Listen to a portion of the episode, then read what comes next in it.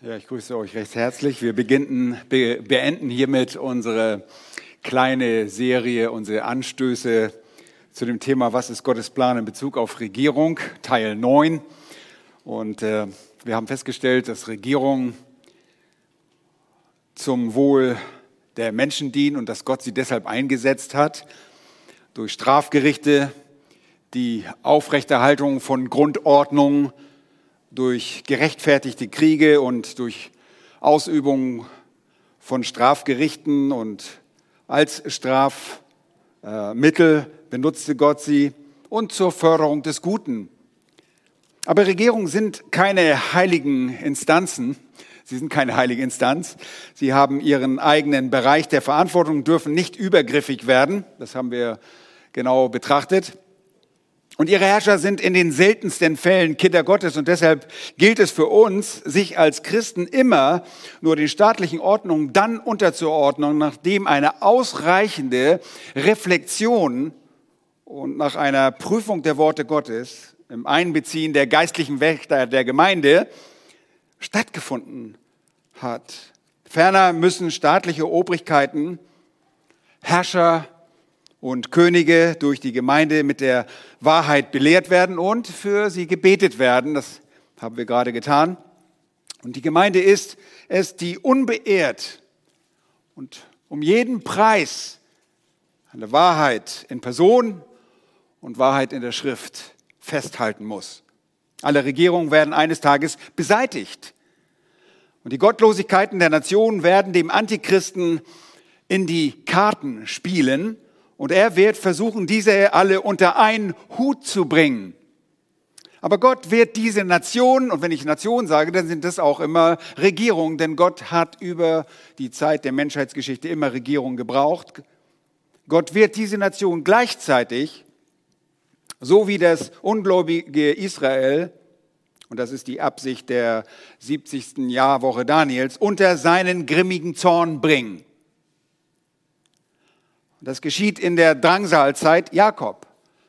Jakobs, das ist für die Regierung, die Nation. Und in der Offenbarung, Kapitel 6, im sechsten Siegelgericht, lesen wir dort in den Versen 15 und 17, und die Könige der Erde und die Großen und die Reichen und die Herren oder die Heerführer und die Mächtigen und alle Sklaven und alle Freien verbargen sich in den Klüften und in den Felsen der Berge und sie sprachen zu den Bergen und zu den Felsen, fallt auf uns und verbergt uns vor dem Angesicht dessen, der auf dem Thron sitzt und vor dem Zorn des Lammes.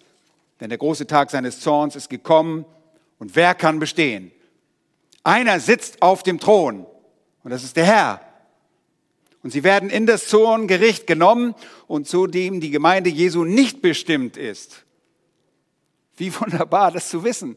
Paulus schreibt an die Thessalonicher, am ersten Thessalonicher Brief, Kapitel 5 und die Verse 9 und 10, Gott hat uns nicht zum Zorngericht bestimmt, sondern zum Besitz des Heils durch unseren Herrn Jesus Christus, der für uns gestorben ist, damit wir, ob wir wachen oder schlafen, zusammen mit ihm leben sollen.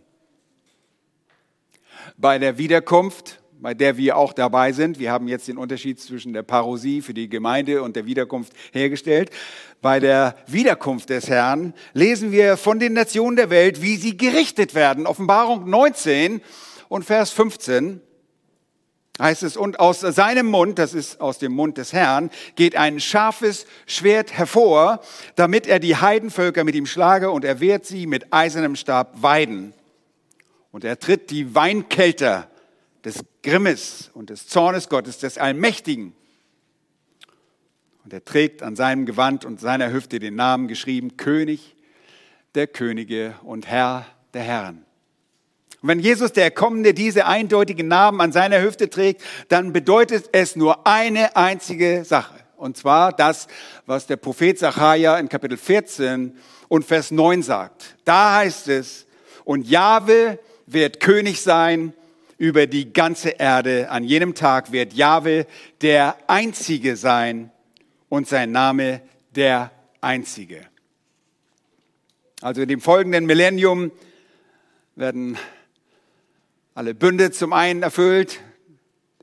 Der Bund mit Abraham, Israel wird Land bekommen, der Davidische Bund, jemand aus dem Stamm Juda wird auf dem Thron sitzen, der Sohn Davids, der Herr Jesus Christus. Und der neue Bund wird erfüllt sein. Die Nationen werden sich von dort an dem Herrn unterwerfen, von dort an dem Herrn voll unterwerfen müssen. Sie herrschen nicht mehr. Christus herrscht und wir herrschen an seiner Seite. Nun, das war das Ende. Und ich weiß, dass es vielleicht noch Fragen gibt. Fühlt euch frei, auf uns zuzukommen. Das waren nur ein paar kurze Gedanken.